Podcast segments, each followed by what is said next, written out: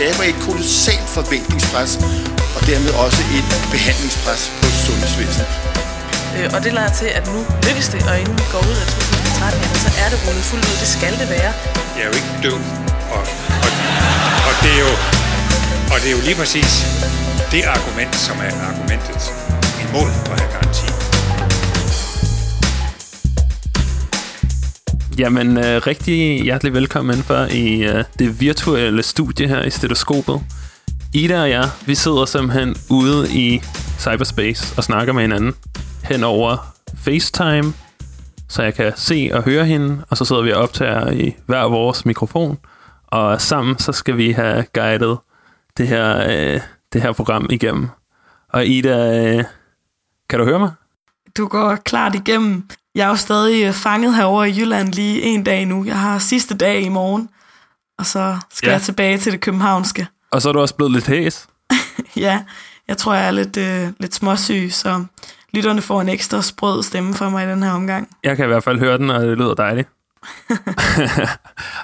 uh, men uh, Ida, dagens program, det, uh, det har vi jo uh, valgt, at det skal handle om intet mindre end kraftpakker og, øh, og kraft i Danmark. Og det er jo et, øh, det er lidt voldsomt emne at gabe over som sådan en lille studenterradio, men, øh, men grund til, at vi har gjort det, det er jo fordi, at det, vi synes, det er et spændende emne, og øh, det er noget, som, øh, som fylder rigtig meget i både, både vores studie og i sundhedssystemet og så videre. Og så er der faktisk sket en hel masse spændende ting på netop det område, øh, som vi, øh, vi ligesom så for os, vi kunne tage fat i.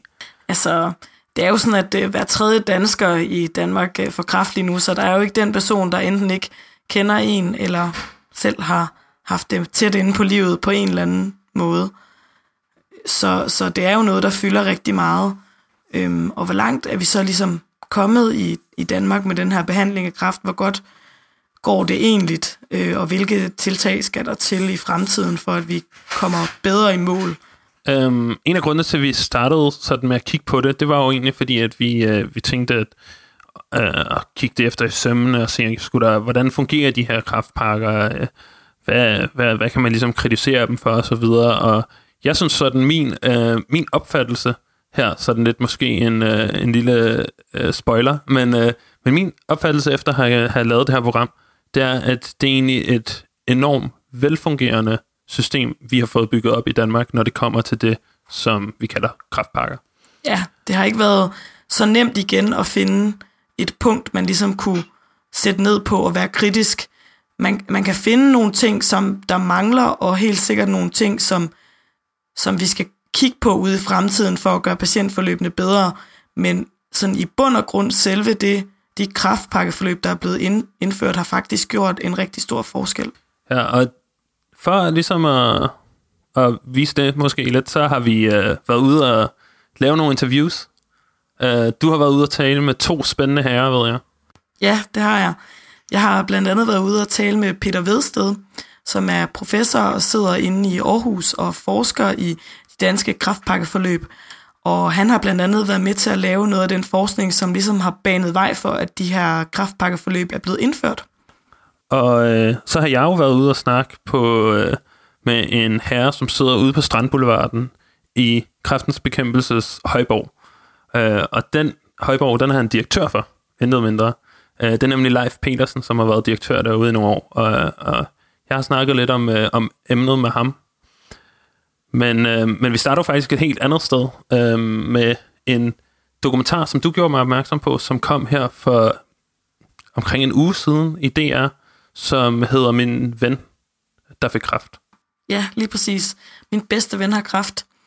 Det er, dokumentaren handler om øh, Jesper, som øh, øh, får øh, diagnosen øh, malint lymfom, øh, og øh, bliver diagnostiseret med en stor kræftknude på omkring 10 cm i maven. Og han vælger så at få hans bedste ven til at øh, filme hans forløb allerede før han han tager til lægen og får svar på, om det egentlig er kræft, filmer de turen derhen, og så følger han ham hele hans øh, forløb igennem. Øh, så han får det ligesom som et projekt, mens han er syg, som kan distrahere hans tanker lidt. Og øh, jeg har jo så været en tur hjemme ved Jesper i Herning. En af de få fordele ved at være herovre i Viborg. Og øh, det var super hyggeligt, og jeg synes øh, sådan set, at vi skal starte den her, skyde den her udsendelse i gang med at øh, høre lidt om Jespers øh, historie og øh, hans tidsmæssige forløb. Hvordan var det og blev den tidsmæssige horisont for kraftpakkeforløbene egentlig overholdt? Jeg hedder Jesper, jeg har øh, været med i et øh, uh, DR-program, hvor vi har lavet en udsendelse om et kraftforløb, hvor min ven Niklas han har filmet mig, hvor jeg gav hele Danmark lov til at se, at, hvordan mit sygdomsforløb var. Altså jeg boede i Vietnam i, i slutningen af 2014. Det var første gang, jeg mærkede mavesmerter, sådan rigtig kraftige. Men hjemme at jeg var i Vietnam, så gad jeg ikke rigtig gå til læge. Det er lidt kummelige vilkår. Øh, så da jeg egentlig kom hjem igen, var det over, så jeg tænkte bare, at det var lidt mavekatar nede fra Vietnam af. Så et halvt år efter, øh, uge 29 i 2015, øh, starter der voldsomme mavesmerter igen. Og jeg tror, jeg kan snilt huske dem fra Vietnam af. Jeg prøver at gå med et par uger, og se om det går væk. Øh, men så begynder det at gå om i ryggen. Og det er faktisk så slemt, at jeg ikke kan komme på arbejde lige pludselig. Og så det vil faktisk sige, omkring uge 30-32 går jeg, går jeg til læge. Og så får jeg... Han mærker selvfølgelig på mig, ligesom de plejer at gøre.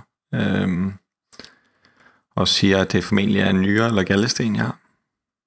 Øh, og det resulterer så i, at øh, han skal mærke lidt efter på mig. Jeg får nogle panodiler med hjem. Og øh, han sender, indstiller mig så til en CT-scanning. Jeg får så at vide, at, øh, at der er halvanden måneds ventetid på det der CT-scanning. Øh, plus minus et par dage. Øh, og i mellemtiden der, der bliver min smerter egentlig bare værre og værre, og jeg tager op til lægen og klager over det og sådan noget, men der er ikke lige så meget at hente der. Så i mellemtiden, mens jeg venter på min CT-scanning, er jeg inde på akutmodtagelsen. Rigtig mange gange, hvor jeg brækker mig på grund af smerter, og bare ligger og ryster, og, og faktisk tit ofte bare bliver sendt hjem med pandiler igen. Den sidste, jeg kommer op til, kommer jeg så op og får sådan øh, ultralydsscanning, ja. Øhm, fordi hun ville kigge på min nyre. Ret ny læge, og bagvagten han kommer ikke ind og hjælper. Så hun undrer sig gevaldigt over, at hun ikke kan se min nyre. Øhm, og det er jo så vist sig efterfølgende, at det var fordi, der var en stor knude i vejen. Men det havde hun overset. Øh, et par dage efter får jeg så... Ja, så bliver jeg scannet. CT-scannet. Og så går der jo en uge, så får jeg svar på min CT-scanning, ved at de ringer og siger, at øh, de godt kunne tænke sig at tage nogle nye billeder. Og jeg bliver jo lidt arg i telefonen og spørger, hvorfor de ikke kan tage billederne ordentligt første gang. Og så siger de, jamen det er fordi, de godt kunne tænke sig at tage det med kontrast. Og det vidste jeg overhovedet ikke på det tidspunkt, hvad var. Så vi endte ud i, at øh, jeg tog det op, og så brugte jeg mig igen til radiografen. Så sagde han, ah, at det er jo fordi, der, der var en lille, lille, lille tab på billedet, de godt lige ville se nærmere på. Men jeg vil høre nærmere svar fra min læge dagen efter. Og så er jeg så lidt over, at jeg skulle vente en uge igen på at få svar. Så tager jeg op til min egen læge dagen efter, og så får jeg at vide, at, at øh, jeg har en knude på lidt over 10 cm. En, en tumor kalder han det. Men jeg skal ikke være nervøs, fordi det er ikke nødvendigvis noget ondartet eller godartet. Øh, eller det er ikke nødvendigvis det er kraft. Men jeg er nødt til at få taget nogle flere prøver, før jeg kan få svar på det. Det er så fredag, så jeg skal vente øh, til næste mandag med at få en masse, masse svar. Og prøve for den sags skyld. Øh, så det ender med, øh, om mandagen skal jeg til, e- jeg tror faktisk til endnu en MR-scanning og en CT-scanning. Og så skal jeg øh, have en biopsi. Øh, og så lidt længere henne, et par dage efter, tror jeg, så får jeg en knoglemavsundersøgelse. Og der kommer jeg så op og snakker med lægerne i, på hermatologisk afdeling i Holstebro, og får at vide, at det er nok med 80% sikkerhed af lymfeknudekræft. Øhm, og her kommer jeg allerede fra dengang jeg fik at vide, at jeg var, havde tumoren, der kom jeg under kraftbakken, så der kom det til at gå ret stærkt forhold til starten. Og så ja, fik jeg egentlig at vide, at jeg skulle tage til sædklinikken og få afgivet noget sæd, hvis det nu skulle vise sig, at jeg skulle på kemo. Og så mandagen efter startede jeg på kemo. Så, så fra du fik diagnosen, eller hvad man kan sige, så begyndte det egentlig at gå Ret stærkt. Ja. Men op til øh, mit første lægebesøg, der var nok to og en halv måned, før vi kom i gang. Okay, wow Ida, det der, det var, øh, det var virkelig, det var helt anderledes at høre i forhold til det, som jeg oplevede, i, da jeg så dokumentaren øh, om Jesper. Fordi jeg, jeg så do, hele dokumentaren, som var en time her forleden dag, og, øh, og det er jo virkelig fascinerende øh, at følge med i hans historie, fordi at han er i den her helt særlige og, og på mange måder øh, utrolig øh, tragediske øh, eller tragiske situation, at han øh, finder ud af, at han nok fejler noget alvorligt, og ringer op til en af hans venner, som tilfældigvis er øh, fotograf øh, og videomand og øh, filmmand, og, kommer, og han får så ham til at komme ud og filme ham helt inden han overhovedet ved, at han faktisk øh, fejler noget malint. Men her får vi jo sådan hele baghistorien øh, før det. Øh, eller forhistorien er det vel virkelig før det. Altså, det, jeg vil også sige, sådan, da han sad og fortalte det, var jeg måske en lille smule øh, mundlam, faktisk. Fordi at jeg havde også en, en klar idé om, at sådan, jeg vidste jo lidt, hvad han ville sige, for jeg havde jo egentlig set dokumentaren. Øhm, men, men jeg havde ingen idé om, hvor langt et forløb, der egentlig havde været op til, at, øh, at han fik stillet diagnosen. Nej, og det passer jo faktisk øh, skræmmende godt med det, som, øh, som jeg ved, øh, du har været ude og snakke med Peter Vigsted, Vedsted om. om. Øh, og det kommer jo lidt tilbage til til sidst, altså at der er nogle huller i systemet, hvor øh, man som, hvor vi som samfund og Peter Vested som forsker ikke har indblik i, hvad der rent faktisk foregår. Nej, det passer, det passer skræmmende godt. Jeg fik en lille smule kuldegysninger, fordi jeg sad og tænkte, okay, wow, altså sådan, jeg har lige fået at vide af en forsker, som altså virkelig har forstand på det her emne, at der er et hul i det her system, og så får jeg at vide af en helt almindelig person, som har været ude for det her, et præcist eksempel på det, han siger. Men øh, det vender vi som sagt øh, tilbage til øh, senere, så lad os i stedet for starte med at høre, øh, hvem Peter han er, og hvad han har forsket i.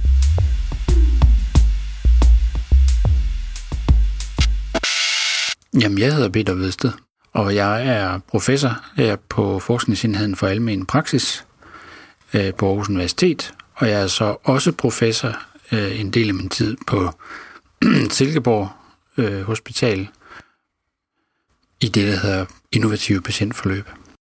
Jeg er i den heldige situation, at jeg siden øh, 2010 har været forskningsleder her på en forskningsenhed, hvor vi kigger specifikt på, hvordan man stiller kræftdiagnoser fra første symptom og indtil man kommer i behandling. Man kan sige, at det der, det, der startede det hele, det var, at vi i, i, øh, i mange år faktisk har beskæftiget os med, hvad er egentlig almen praksis' rolle, når man skal øh, stille kræftdiagnosen. Øh, og det vi opdagede, det var, at almen praksis faktisk var meget mere central i kræftdiagnostik, end vi måske hidtil egentlig havde troet.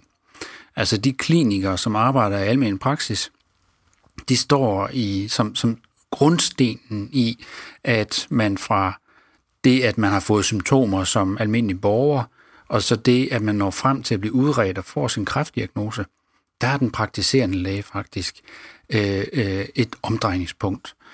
Øh, og det har vi gået og kigget på i, i, i nogle år, og det vi så opdagede, det var, at, at øh, der var sådan en, en, en stigende utilfredshed med den måde, som almen praksis forvaltede den opgave på. Dels var der en utilfredshed hos befolkningen, som, øh, som sagde, jamen jeg havde jo sagt det her til min praktiserende læge, jeg var jo gået op med de her symptomer, og min praktiserende læge gjorde ikke noget, sagde bare, at det var en virus eller et eller andet øh, i den retning. Og på den anden side, så hørte vi, at, at øh, øh de steder, hvor man skulle udrede øh, patienterne, jamen der klagede man over, at patienten læger sendte for mange patienter ind, og de var aldrig rigtig syge, når de sendte dem ind og sådan noget. Så på den ene side, så var man ikke øh, god nok til at sende patienterne ind, og på den anden side, så sendte man de forkerte patienter ind. Og så tænkte vi, ej, det må vi simpelthen sørge for at lave god øh, regulær forskning i. Vi trænger til viden om, hvad er egentlig det rigtige. Og det vi så gjorde, det var, at vi startede et, øh, et øh, stort projekt op, hvor vi prøvede at dokumentere, hvordan ser det egentlig ud? Hvad sker der egentlig? Øh, fra den dag, man får de første symptomer, og indtil man får diagnosen. Kan det virkelig passe, at den praktiserende læge er så dårlig?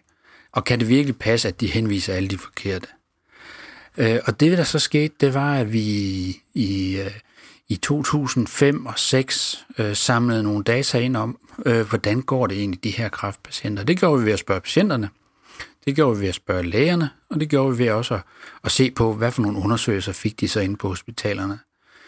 Og det, der så øh, kom ud af det, det var jo faktisk sådan nogle hårdrejsende øh, data på, at mindst halvdelen af alle kræftpatienter, de gik og ventede i tre måneder eller mere på at få deres kræftdiagnose, når de havde henvendt sig til sundhedsvæsenet. Og det var noget af det, som vi så gik ud med og sagde, jamen, der er et eller andet, som ikke kører, som det skal. Øh, der er både noget med, at patienterne måske går og venter lidt for lang tid, før de går til læge. Der er også noget med, at de praktiserende læger ikke rigtig får udredt de her patienter, når de nu har henvendt sig. Og så er der også noget med, at når man endelig er blevet henvist ind på hospitalet, jamen så venter hospitalerne med at lave de relevante undersøgelser, der går rigtig lang tid. Øh, så vi havde noget, der hed patientforsinkelse, øh, vi havde noget, der hed øh, lægeforsinkelse i almindelig praksis, og vi havde noget, der hed systemforsinkelse. Og da vi præsenterede det, så gik man ud og sagde, det vil vi ikke være med til. Vi har en befolkning, der er utilfreds med det sundhedsvæsen. Vi har alt for lange ventetider. Vi har alt for lav en overlevelse af kræft i Danmark. Øh, og vi bruger ikke vores ressourcer korrekt på de her patienter. Det vil vi lave om på, og løsningen på det, det er, at vi laver kræftpakker. Og på den måde var vi ligesom med til at sparke liv i hele øh, ideen om, at man skulle have kræftpakker. Nå, Ulrik, øh, hvad siger du til, at øh, sådan en som Peter, han altså har lavet noget, noget forskning, der virkelig har sat gang i nogle, øh, nogle tiltag? Ja, det her, det er jo virkelig, det er virkelig sejt gået. Det må, man, det må man altså bare give Peter med. Øh, og det, det lyder også lidt som om, han godt selv ved, at det, det har altså været noget, der har rykket det her. Ikke? Um, det her med at sidde og forske i øh, han, Center for Almen Praksis, eller sådan noget, ikke? Altså det er, han, han forsker i almen medicin, og, og, så, øh, og så kunne øh, se et problem, gå ind og samle data om det, analysere det, forstå det, og så lægge op til, der skal ske et eller andet politisk her, og så at det lykkes på den måde, det er gjort. Nu sidder man jo nærmest 20 år efter, men det er jo helt fantastisk. Altså, øh, og det er jo sådan ideelt set, at øh, man kan sige, man vil ønske, at al forskning fungerede, ikke? Altså, men øh, man skal jo selvfølgelig også have mange fejlslag, før man får sådan en, øh, et home run, som det her totalt øh, virker til at være, ikke? Så der er virkelig, virkelig blevet gjort nogle ting, som har ændret hele altså, kraftbehandlingen og, og hvordan systemet har set på sygdommen kræft. Men det, det snakkede du også med, med Leif om jo. Ja, det er rigtigt. Da jeg var ude og snakke med ham, der, der så han også på det med, med en vis begejstring. Jeg hedder Leif Vestergaard Petersen, og jeg er direktør i Kræftens Bekæmpelse. Og her har jeg siddet i øh, seks år. Og inden da var jeg direktør for sundhedsområdet i Region Midtjylland, og har også været direktør for sundhedsområdet i Aarhus Amt og i Vejle Amt. Ja, jeg tror i virkeligheden, man skal helt tilbage til øh, 90'erne øh, da vi var i 1990'erne, i slutningen af 90'erne, der kunne vi se nogle skrækkelige tal øh, for middellevetiden i Danmark, og vi kunne se nogle forfærdelige tal på kræftområdet.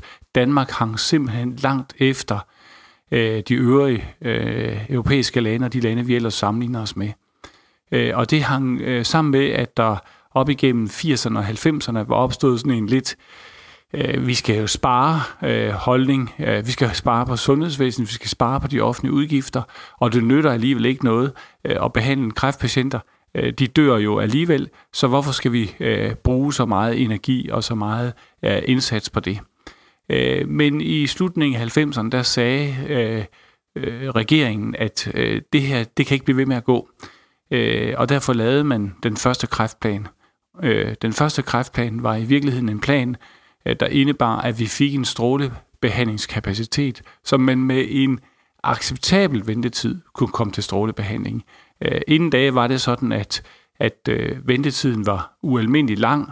Øh, udstyret var øh, gammelt, øh, nedslidt, øh, og kunne slet ikke det moderne strålebehandlingsudstyr øh, kunne på det tidspunkt der.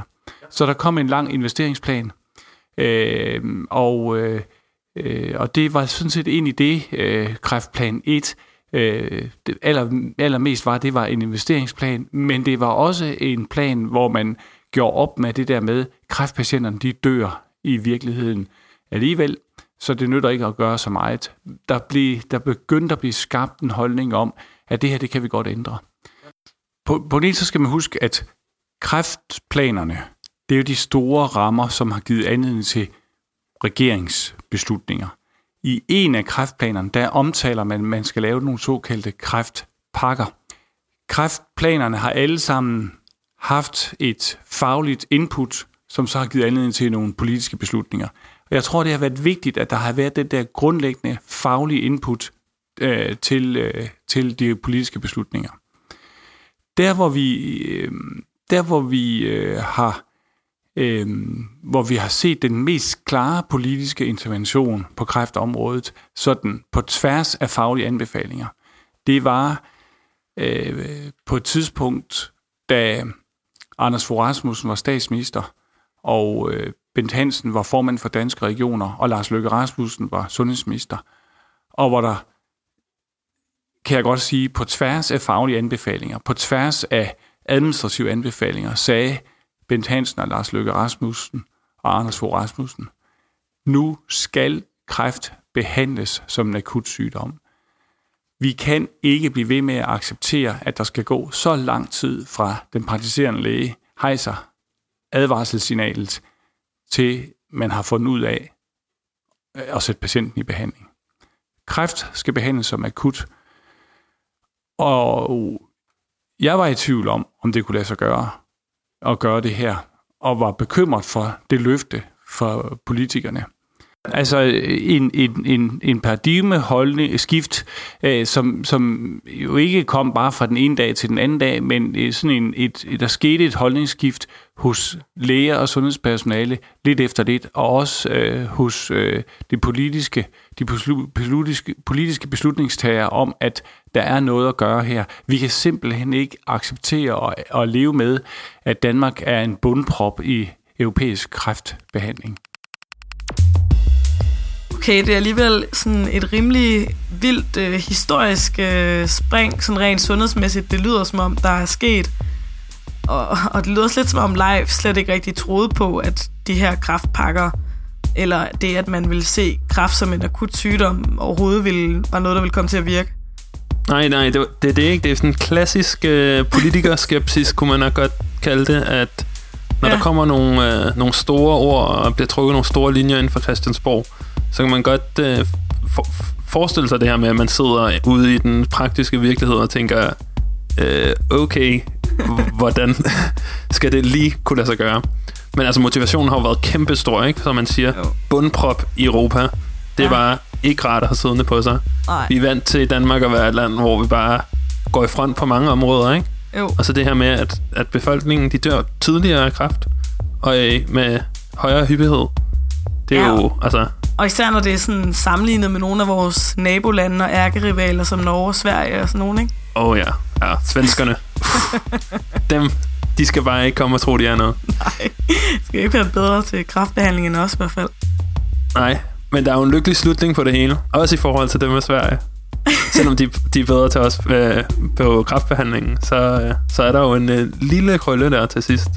Men, øh, men først, så, øh, så synes jeg, vi skal høre øh, Peter og, og Leifs sådan øh, vurdering af, hvordan vi, det egentlig er gået i Danmark siden da. Siden man indførte de her kraftpakker, har vi så fået øh, reddet op i den der bundprop der? Ja, det, lad, os, lad os høre, hvad de siger, fordi vi kan jo godt afsløre, at vi stadigvæk halter lidt bagud med, med overlevelsen herhjemme, men, men lad os høre, hvad de siger til det. Øh, måde, man indførte kraftpakkerne på, var, var helt fantastisk god. Fordi man ikke blot havde fokus på selve diagnosen, man havde faktisk også fokus på, hvor lang tid gik der, inden man kom i behandling. Så det vil sige, at man tog faktisk hele forløbet øh, øh, fra første symptom, og indtil man var kommet godt i gang med behandlingen. I andre lande, der har man set, at når man lavede de her ting, så var det sådan noget med, at ja, altså, du skal være set første gang af en specialist inden for to uger, for eksempel, og sådan noget. Og så ligesom om, så stopper uret igen. Men i Danmark, der gjorde vi faktisk det geniale, at vi sagde, nej, vi vil have hele forløbet. Hele forløbet skal være i orden.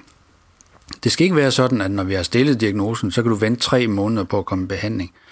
Øh, nej, det er jo behandlingen, det er den dato, øh, vi, vi vil have, skal, skal, gå, skal fremskyndes. Det skal gå hurtigere øh, frem til den dato. Så det var faktisk en rigtig god ting, vi lavede i Danmark. Det vi så også skal huske på, det er, at vi startede faktisk fra et rigtig dårligt udgangspunkt i Danmark. Vi lå en 5-8 procentpoint bagefter andre lande, som vi egentlig gerne vil, vil kunne sammenligne os med. Øh, hvis vi så kigger på den forbedring, vi har haft i Danmark i et års overlevelsen efter kræft, så har vi faktisk i Danmark kunne præstere den bedste forbedring i et års overlevelsen efter kræft. Vi kan også vise, at vi har øh, øh, øh, vi er det land, der har nedsat overdødeligheden af kræft mest, øh, og det typisk sker øh, på grund af kræftpakkerne, når man bliver henvist via den vej.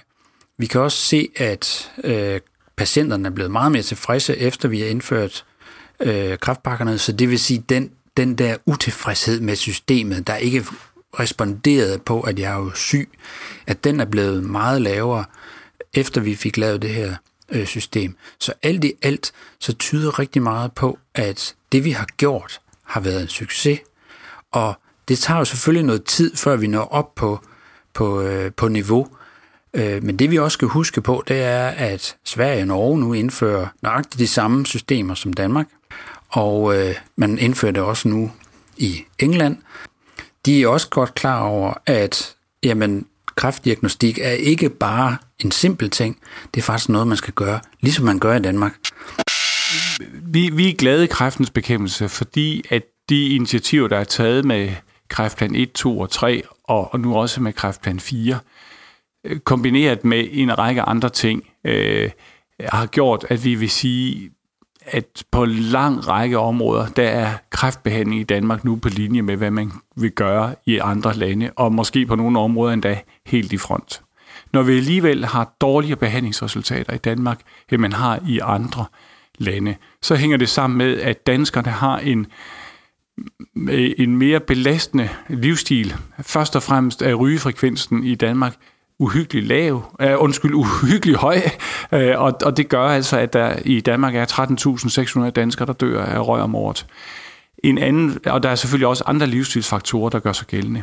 Et andet forhold, der gør sig gældende, det er, at danskerne er lidt mere tilbageholdende med at gå til læge, øh, hvis de har et eller andet symptom eller et eller andet problem. Øh, nogle gange, fordi de synes, at min læge har, har, det, har så travlt, eller øh, det, jeg er bange for, at det er alvorligt, og, og, og hvis det er alvorligt, så kan de alligevel ikke gøre noget ved det. Altså, der er sådan en, en forkert opfattelse af sundhedsvæsenets imødekommenhed til at evne til at gøre noget ved øh, symptomerne, så det skal vi gøre noget ved.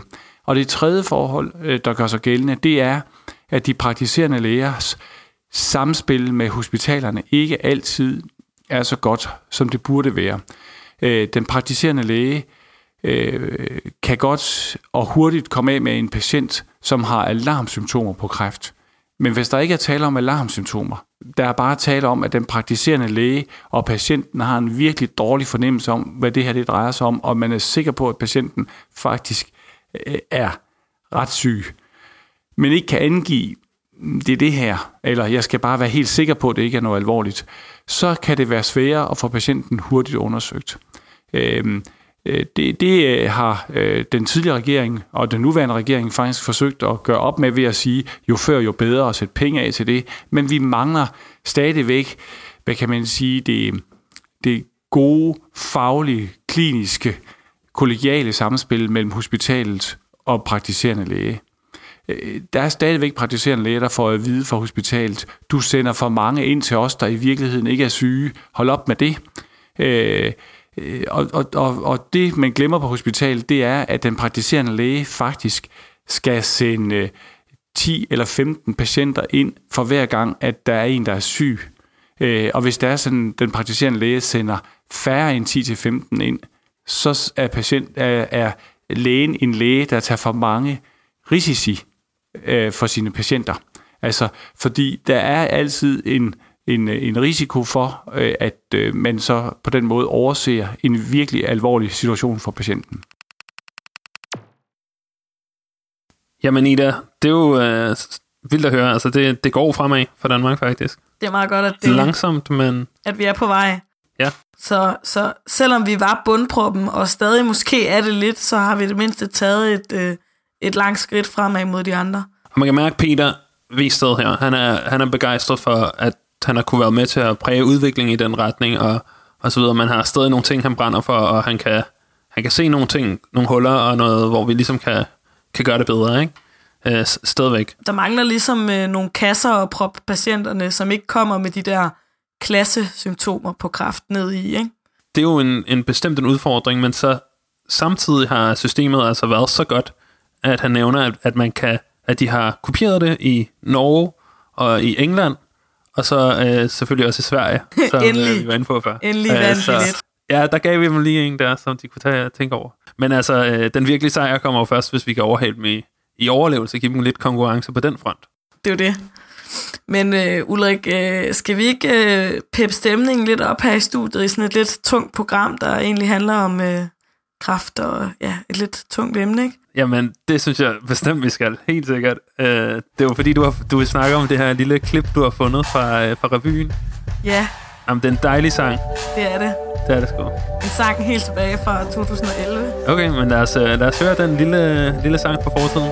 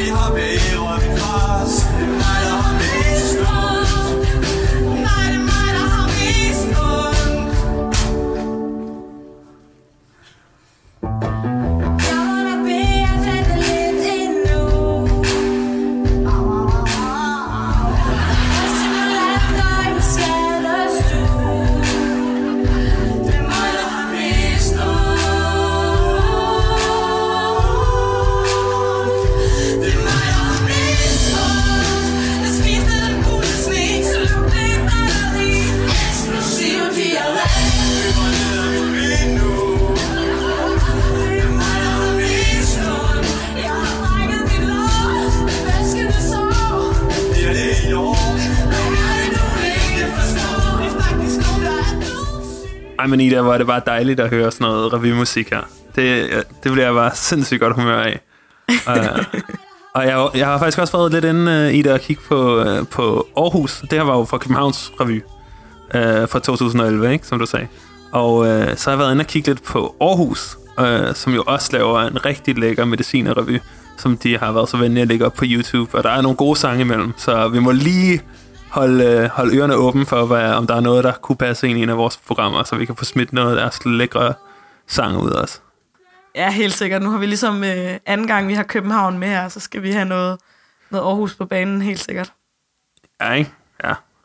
Men, øh, men fra, øh, fra skadestuen der, øh, der synes jeg, at vi skal gå videre tilbage til, til vores emne.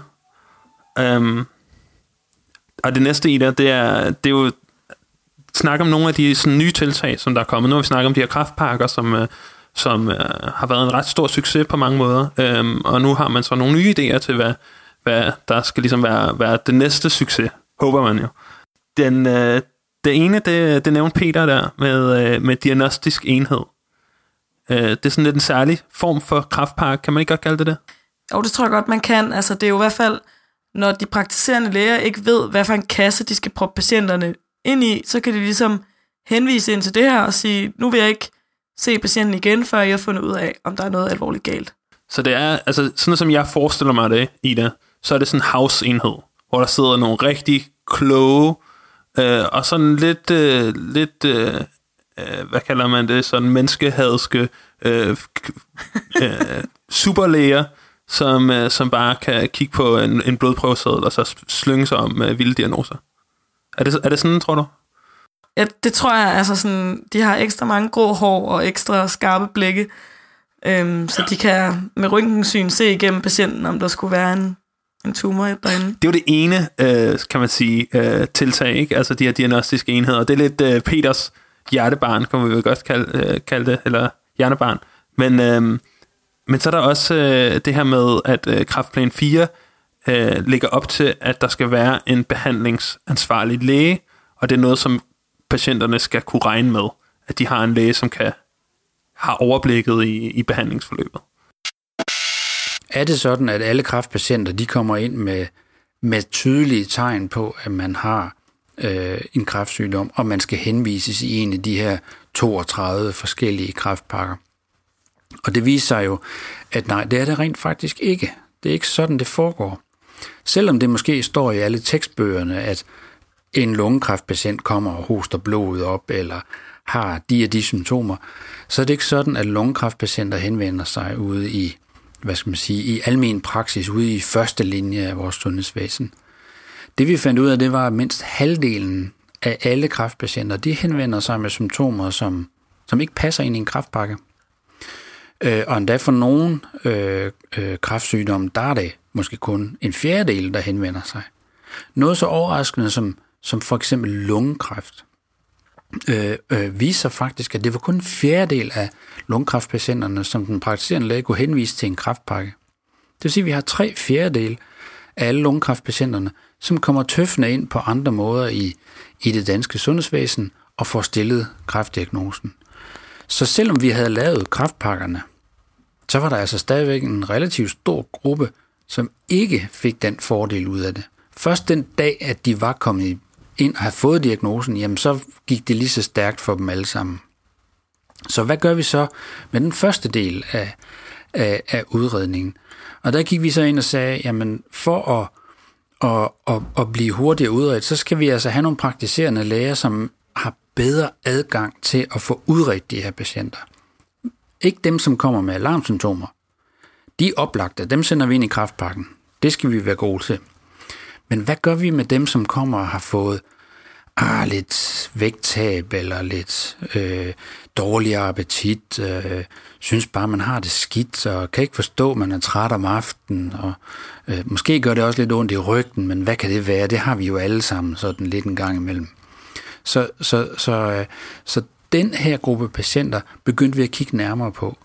Og der har vi jo så udviklet forskellige tiltag, der hedder, at man skal have bedre adgang til øh, en lavdosis CT-scanning af lungerne, hvis man tror, der kunne være noget på lungerne. Man skal have bedre adgang til en ultralydsscanning af maven. Man skal have bedre adgang til at blive øh, øh, øh undersøgt for, om noget af det, man har på huden, kunne være et melanom og, for, og så videre, så videre. Så fra at vi kun havde kraftpakkerne til at udrede i, så har vi altså også nu indrettet en lang række undersøgelser, hvor den praktiserende læge relativt hurtigt lige kan få at vide, kan vide, om der lige er noget her, som vi skal have kigget på. Det tredje ting, vi så har fået udviklet, det er jo så den her pakke for de alvorlige, men uspecifikke symptomer.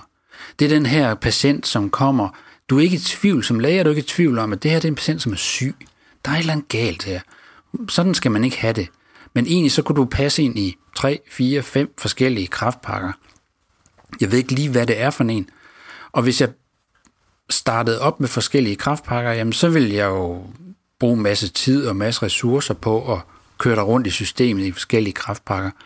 Så der har vi så lavet det her, der hedder diagnostisk center eller diagnostisk enhed, hvor man kan henvise øh, patienten, og så siger man, jeg vil ikke se den her patient, før I ligesom har fundet ud af, kunne det her være noget kraft eller noget andet alvorligt, og hvis ikke det er det, så vil jeg selvfølgelig bare gerne have patienten tilbage, og så finder vi ud af, hvordan resten af forløbet skal være. Så nu er vi altså nået dertil på baggrund af den forskning, vi har lavet, at vi kan sige, at der er tre ben, vi skal stå på, når vi skal lave god kraftudredning. Det ene det er, at vi skal have kraftpakkerne for de oplagte symptomer. Det andet det er, at vi skal have et diagnostisk center for dem, hvor vi har patienter, som vi ved er syge, men vi ved ikke lige, hvor de skal hen af. Og så skal vi have nem adgang til de her undersøgelser, hvor vi siger, ej, jeg tror egentlig ikke, du fejler noget alvorligt. Men for at være sikker på, at jeg ikke lige overser noget, så vil jeg godt lige have lavet en, undersøgelse af der, en ultralydsscanning eller noget i den retning. Hele ideen om at lave øh, at skabe en patientansvarlig læge er faktisk en idé, der er vokset op både i patientforeningerne og i øh, foreningen af yngre læger og i øh, foreningen af speciallæger. Og så har vi fået øh, danske regioner og regeringen med på ideen. Øh, så jeg er sikker på, at der er en øh, meget, meget stor interesse i det her. Det er klart set fra patientens synsvinkel, så må det være naturligt, at man ved, hvilken læge har egentlig ansvaret for min behandling. Det, det er sådan helt åbenbart, at det har stor øh, øh, psykologisk betydning for patienten, men der er faktisk også øh, undersøgelser, der viser, at det også har behandlingsmæssig betydning for patienten, at man har en klar oplevelse af, hvem der egentlig har ansvaret for min behandling som patient. Og den anden side af det, det er faktisk, at, at de øh, undersøgelser øh, og de erfaringer, vi kan hente ind for øjeblikket, det viser også, at der bliver en større tilfredshed hos lægerne. Det at få ansvar tilbage fra patienten og vide, hvilken patienter er det, jeg har det primære ansvar for. Og selvfølgelig har man del i ansvaret for alle patienter, øh, der er i, i afdelingen på en eller anden måde, men der er nogen, man altså har et primært ansvar for. Det er vældig motiverende, og det er også øh, med til at, at gøre, at man faktisk bliver gladere ved at være læge, fordi man kommer tilbage til det der kernen i ens øh, arbejde som læge. Øh, så derfor tror jeg på, at det lykkes, fordi at det er en win-win-win situation. Altså, og når jeg siger det, det sidste win, så er det fordi, at personale, det øvrige personale på de afdelinger, som har en patientansvarlig læge, siger, åh, oh, det er rigtig dejligt det her, fordi nu ved vi, hvilken læge, der har ansvaret øh, øh, for patienten. Og, og det, det bliver klarere og mere præcist, det vi taler om. Jeg talte for eksempel med nogle sygeplejersker øh, på en afdeling, der havde den her patientansvarlige læge, og de sagde, jamen inden da, øh, så var vi nødt til at lave en for, før stuegang med den læge, der skulle gå stuegang, hvor vi gik alle patienterne igennem, for at lægen han skulle kende patienterne. Og så gik vi stuegang bagefter øh, med den læge, som egentlig ikke kendte patienterne. Øh, men, men vi brugte rigtig meget tid på at lave, lave den der før stuegang, inden vi lavede stuegangen. Men nu kommer lægen op til os, og vi går stuegang med hans patienter. Øh, og, og, og, og, og det vil sige, at vi bruger meget mindre tid på det, det bliver meget mere relevant, det der foregår. Og så selvfølgelig sagde sygeplejerskerne der, hvis der er sådan, der sker noget akut og et eller andet øh, pludseligt, så kan vi altid få fat i en anden læge, øh, som, som, som går ind og tager over, hvis der er sådan en patientansvarlig læge, ikke er til at få fat i lige, lige for øjeblikket. Så, så på den måde var det en win-win situation øh, for, for patienten og for lægen, og det var en win-situation for sygeplejerskerne, som synes, de fik øh, mere tid og fik øh, bedre vilkår faktisk. Det er sjovt, fordi det er noget af det, der har været højst op, øh, når jeg har været ude og fremlægge for læger omkring min dokumentar. Øh, så det er noget af det, de har spurgt allermest ind til. Og det var under min første fremlæggelse, der var det ikke noget, der var så højt på planen. Øh, og der klagede jeg også selv over, at det var meget forvirrende, at der kunne komme nogle nye læger ind, der kunne lige have skimlet linjerne i ens journal. Øh, og der foreslog jeg også, at, øh, at det var meget bedre med at have en personlig, en man kunne gå til i hvert fald, man så i nyerne, i stedet for noget, en man så sjældent, der, hvor alle vidste lige lidt, så at sige. Så jeg synes, det er meget betryggende, at det, det kommer til at ske. Altså man kan sige, nu siger Jesper, at det er betryggende, at nu kommer det i hvert fald til at ske, men det er jo en del af kraftplan 4, men, men jeg har det sådan lidt, jeg vil se det, før jeg tror det. Hvad, hvad, hvad tænker du, Ulrik?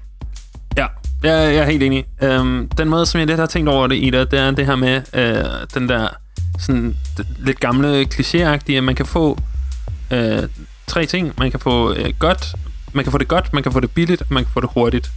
Øh, men man kan ikke få alle tre ting. Man kan kun vælge to, ikke? Og, øh, og man kan sige, det som vi ligesom har fokus på nu her, ikke, det er, at det skal gå hurtigt. Øh, og det gør det også. Det er et rigtig effektivt, hurtigt øh, pro- program her. Øh, men så er det som om, at politikerne ligesom også lægger op til, at det skal være billigt. Ikke? At der skal være øget produktion, og vi skærer pladserne og sådan noget. Og så nu siger de så, at det skal være godt. Det skal være, vi skal have de, det her behandlingsforløb, som alle jo er enige om, er godt. Altså sådan, der, jeg tror ikke, der, du vil kunne finde nogen, der siger, nej, det, vi skal ikke have en læge, som øh, har sat sig ordentligt ind i patienten. Eller sådan, det er jo helt langt ud. Så, øh, men, øh, men d- der, der tænker jeg, at det, det der, der det, bliver, det bliver svært. Hvis man ikke har midlerne og pladsen til det som læge, hvordan skal man så kunne få realiseret den her øh, øh, vision? Altså, jeg kan, jeg kan heller ikke det, det, se, det se. hvor de ressourcer skal komme fra, fordi både øh, en selv, og man kan da mærke på alle læger, at det er da en fornøjelse, når man ser de samme patienter. Det er meget nemmere for en selv. Øh, det er nemmere at sende dem videre igennem forløbet, så det tror jeg er et ønske for både læger og patienters side, men jeg kan ikke se, hvor øh, ressourcerne de skal komme fra. Og når vi så snakker om ressourcer, så har vi jo lige hørt dem snakke lidt om den her diagnostiske enhed også. Og det synes jeg også godt, man kan stille lidt spørgsmålstegn til, om det er den korrekte brug ressourcer, at vi skal have den praktiserende læge til at sende ind til et sted, hvor at øh, patienter så bare skal udredes for alt. Men en af de ting, Leif også for, sagde til mig, det er jo, at, øh, at man, skal, man skal være opmærksom på, at der, der skal mange øh, patienter ind, som ikke fejler, øh, som ikke har kraft, øh, før vi finder dem, der har kraft. Men øh, Ida, jeg tænkte, det, øh, det næste klip, vi skulle høre, det var øh, det, det er fra live, fordi at, øh, han snakker lidt om, hvordan man ellers kunne bruge de her øh, midler, som det koster jo rigtig meget, hvis man skal have diagnostisk enhed, og man skal sørge for, at der er plads til, at øh, hver patient har en behandlingsansvarlig læge. Jeg synes, at øh, hvis vi ser på dansk forskning, så er jeg faktisk lidt bekymret for den kliniske forskning i Danmark. Øh, jeg synes, at øh, den kliniske forskning for øjeblikket presses af kravet om produktion på hospitalerne. Øh, og det er svært at få finansieret klinisk forskning. Øh, det, det, jeg synes, det er for svært at få, at få finansieret klinisk forskning, og nogle gange så siger man, det her det er jo ikke klinisk forskning, det er jo øh, Øh, kvalitetsudvikling. Men, men hold da op, hvis man laver øh, øh, et videnskabeligt baseret kvalitetsudviklingsarbejde, så synes jeg jo, det er, det er vildt værdifuldt. Øh, så jeg synes, at der er en underfinansiering eller en underprioritering af den kliniske forskning. Og jeg synes, at i en tid, hvor man udvikler, uddanner øh, rigtig mange phd studerende eller uddanner rigtig mange PUD'er, øh, så synes jeg også, at man skal øge ambitionen om, at de PUD'er, der kommer ud i klinisk arbejde, bør bidrage til klinisk forskning. Øh, og det bør man sikre sig, at der både er noget rum og noget tid til. Øh, nok ikke så meget, som man godt kunne ønske sig, men, men jeg synes, at man har have en forventning om, at en afdeling, som har øh, 10 PhD'er, der bør der udgå nogle øh, videnskabeligt arbejder for øh, hver eneste år, og hvis man er et, en, en, en, en afdeling på et universitetshospital, så skal der være videnskabeligt øh, arbejde af et vis omfang hver eneste år. Ellers lever man ikke op til den forventning, øh, jeg har til, hvad det vil sige at være universitetshospital. Så det, det er både en, en regional, en hospitalsmæssig styring, men jeg vil også godt øh, sige, at jeg synes, at forskningsråden i deres tilgang til noget af det her, skal passe på, at vi ikke alene tror, at det handler om at få Nobelprisen eller udvikle et nyt øh, avanceret og, og godt lægemiddel. Det er ikke det eneste, vi skal gå efter i dansk, læ, øh, dansk sundhedsvidenskabelig forskning. Vi skal også arbejde med det, der har direkte betydning for patienterne her nu. Altså Ida, synes du ikke, det er lidt, uh, lidt uh, interessant det her med uh, Leifs uh, syn på, på forskningen? Um, han, han kommer jo netop ind på noget af det, som vi har været inde, i et af vores, uh, t- inde på i et af vores tidligere programmer i forhold til, til PhD'erne. Der bliver uh, produceret en masse læge-PhD'er, og derfor så netop som man siger, så kan man have sådan 10 på en afdeling, som faktisk har en forskeruddannelse, men de er ikke i stand til at få pengene til og tiden til at lave noget, øh, noget klinisk forskning. Jo, jeg synes, det er meget øh, interessant, og netop som du siger, at, at I også snakkede om i jeres øh, øh, phd program at øh, en ting er, at der bliver lavet mange PhD'er, men, men hvor brugbare er de PhD'er egentlig? Og, og det er da rigtig ærgerligt, hvis det er så svært at skaffe midler til, til god, brugbar klinisk forskning, som for eksempel sådan noget, som Peter Vedsted har lavet for at få gang i de danske kraftpakkeforløb. Lige præcis, ikke? Fordi Peter Vested, han, ved, han, jeg tror, han ved godt, hvor vi skal sætte ind, hvis vi skal lave mere klinisk forskning. Han, øh, han har jo fundet et, et, øh, et hul, som han ser for at være øh, meget markant hos de praktiserende læger, hvor han ikke føler, at han har nok indblik. Ja, øh, og det var jo lige præcis det, som vi startede udsendelsen med Jespers historie, hvor han fortalte om, at øh, han faktisk havde et hurtigt forløb, da han først fik diagnosen øh, med malint lymfom, men han havde faktisk været til sin praktiserende læge op til flere gange, øh, hvor han var blevet sendt hjem igen med Panodil, og der var så også på et tidspunkt blevet beskilt en, scan- en scanning, men den var der lige halvanden måneds ventetid på. Men lad os høre, hvordan Peter Vested mener, at vi kan lappe det hul. Det er, det er sådan, at, at den måde, som vi monitorerer kraftpakkerne på i dag, den fokuserer meget på fra hospitalernes synspunkt, altså fra det tidspunkt, hvor de modtager et signal om, at her skal der laves en udredning, og så indtil man beder eller afkræfter, om der kunne være noget, og hvis man bekræfter det, ja, så finder man ud af, om, om man nu er hurtig nok til at, at sætte en behandling i gang. Det vi ikke ved noget om, det er alt det, der er sket, inden patienten når frem til det forløb. Og det kan faktisk være, at det har været månedsvis af ventetid på at få en eller anden relevant undersøgelse ude i almen praksis. Det kan også være, at den praktiserende læge ikke har været i stand til øh, at reagere på nogle af de symptomer, som har været. Det kan være alvorlige symptomer, det kan også være de uspecifikke symptomer, men vi ved det overhovedet ikke i Danmark. Vi har slet ikke nogen viden om, hvor lang tid det tager fra patienten første gang henvender sig til sin praktiserende læge med sine relevante symptomer, og indtil den henvisning øh, lander inde på hospitalerne, som er det første, vi registrerer i hele forløbet for patienten. Ida, det her, det synes jeg er mega interessant, at vi altså lige har det her, øh, det her, den her blinde vinkel i, øh, i pakkeforløbet. Ikke? Altså, vi, vi måler kun på, hvor godt det går fra, at man får, at man har bliver sendt ind med symptomerne, og så hvornår får man behandlingen. Men, øh, men det her hul her, hvis, hvis Peter får, får forsket godt i det, og, øh, og kommer med nogle øh, artikler på det område, så er det sgu noget, som jeg godt kunne tænke mig at have med i Forskernet, fordi det kunne være, det kunne være spændende lige at, at få lov at snuse til, ikke? Ja, og nu har, nu har du holdt en pause i den her uge, men, øh, men du vender stærkt tilbage om en uge igen. Ja, ja, det kan jeg godt love. Øh, to uger går der dog, Ja, men øh, om de to, øh, nu skal du ikke love for meget, men, øh, men øh, der, øh, der øh, kan jeg godt øh, åbne op for, at der, der, der kommer der nogle nye ting i, i Forskernyts verden. Det er godt. Og øhm, programmet om to uger, det, det er lidt et opfølgerprogram til vores allerførste stetoskopet-program, som jo handlede Nå ja. om øh, Fadels øh, vagtbureau. Og, øh, og det øh, kan vi ikke sige så meget mere om nu, men øh, stetoskopet har skaffet sig noget insiderviden om, hvordan øh, tingene går både herover i det jyske og i København. Ja, det er, jeg er rigtig spændt på at høre, hvad, hvad det er for noget, de, øh, de, de drenge der, de går over og roder med. ja, det skal nok øh, blive godt, det er jeg helt sikker på. Ja, og øh, altså Ida, derudover så tror jeg, vi er ved at, at være ved, ved slutningen på dagens program. Ja, det er ved at være vejs ende. Så synes jeg er lidt vemodigt. Jeg synes, det har været rigtig spændende at, at udforske det her program sammen med dig, og det her emne sammen os at høre fra direktøren i Kraftens Bekæmpelse og, og Peter, der har været med til at, sk- at skabe det her, det her helt vilde øh, initiativ. Ja, det har været rigtig, rigtig spændende, og man har fået øh, en god indsigt i, hvordan de her ting, de ligesom er blevet sat i værk. Og, og det var også øh, super spændende at være ude og interviewe Jesper. Jeg kan opfordre alle, der ikke har været inde og se dokumentaren, som ligger inde på DR, til at gå ind og se den.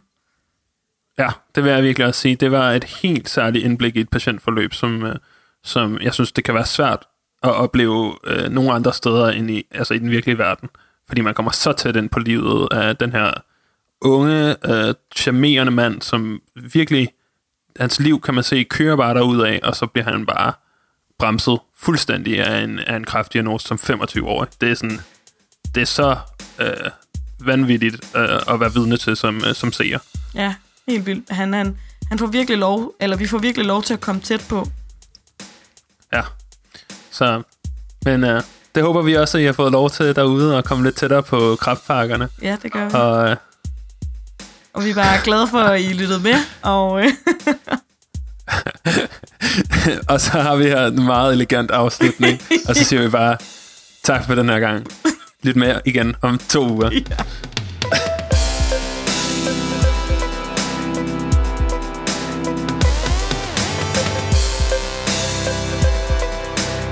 Dr. Hansen fra Matador i sådan en version 2.0. Og så bare der, lad det gå over i. Man skal huske at nyde øh, alle de gode øh, situationer, der er, og ikke ærge sig over det, øh, man man lige ikke lave om på. ja, det gør jeg også. øhm. Okay. jeg starter lige forfra.